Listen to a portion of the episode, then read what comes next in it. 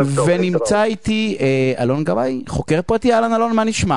היי, ערב טוב, מה שלומכם? יופי. אה, נהדר, תשמע, אין לנו הרבה זמן, אבל אני רוצה ככה, אה, אני רואה הרבה מאוד אנשים, לא יודע אם זה בגלל קורונה או לא, שנעלמים, שלא ניתן למצוא אותם. אני רוצה, מישהו, אתה יודע, לקח לי כסף אה, ונעלם, מישהו חייב לי שירות ונעלם, פשוט אי אפשר להשיג אותו. ואני רוצה שתן לנו טיפים אם אפשר, איזה, אתה יודע, איזה סיפור מעניין על הדבר הזה, איך אני יכול לאתר אנשים שנעלמים ואני רוצה להשיג אותם. אה, תשמע, ככה, קודם כל אנשים שהם נעלמים וחייבים ונרדפים זה אנשים שלא לא נמצא את הכתובת שלהם ב-144, בוא נקרא לזה ככה. אה, לכן, בוא אני סתם אתן לך סיפור מה, מה, מהתקופה האחרונה, בן אדם שבאמת עשה עקיצות ולקח הרבה אנשים בתחום השיפוצים והתחיל עבודות ולקח כסף ונעלם ומזומן ולא חשבוניות נעלם ולא ניתן למצוא אותו, הוא גרוש, אין על שמו כלום, הוא חייב הרבה כסף, נרדף על ידי הרבה אנשים, יודעים את זה. גילינו בש... בצורה כזאת או אחרת, אני אתן את זה במקרה, זה משהו שנעזרנו גם בתחום ה... באינטרנט, ברשת, במידענות, שהוא מפעיל איזשהו פרופיל תחת שם אחר שדומה לשם שלו, מצאנו שם איזשהו מספר טלפון, ענתה למספר הזה בחורה, ראינו שזה בחורה, נתנו לחוקרת טובה שלנו, מדובבת, לדבר איתה, לפתח איתה טיפה שיחה, הוא פרסם איזה שהם בישולים עד הבית, דיברה איתה, הגענו לפרטים שלה, הגענו לשם שלה, ככה ידענו לזהות את המספר זהות שלה, ודרך זה הגענו לכתובת, ישבנו לכתובת וראינו את המקום שלו, וככה גילינו את מקום המגורים שלו.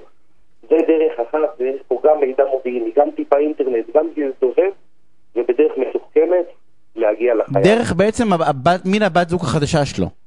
בת זוג החדשה שלו, כמובן, שעל שמה הכל התנהל, כל העסק, כל הבית, הכל.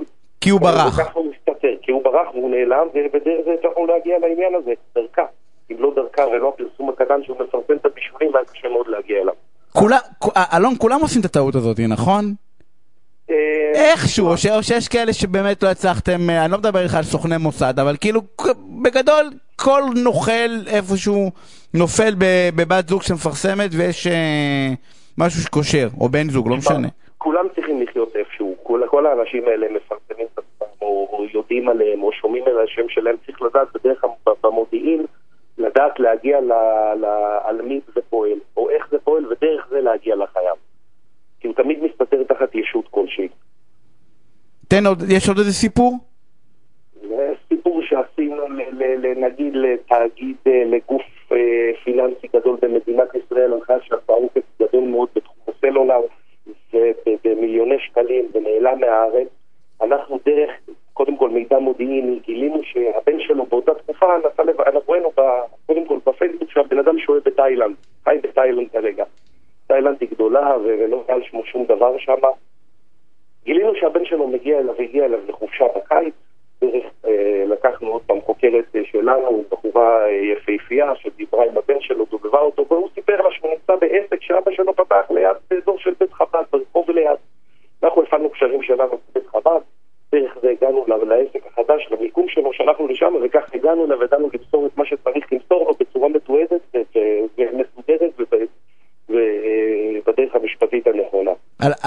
אלון, תדע לך שאני לוקח מהשיחה שלנו שני דברים. אחד, אם אני אי פעם ארצה להימלט, אני צריך למחוק כל זכר בפייסבוק.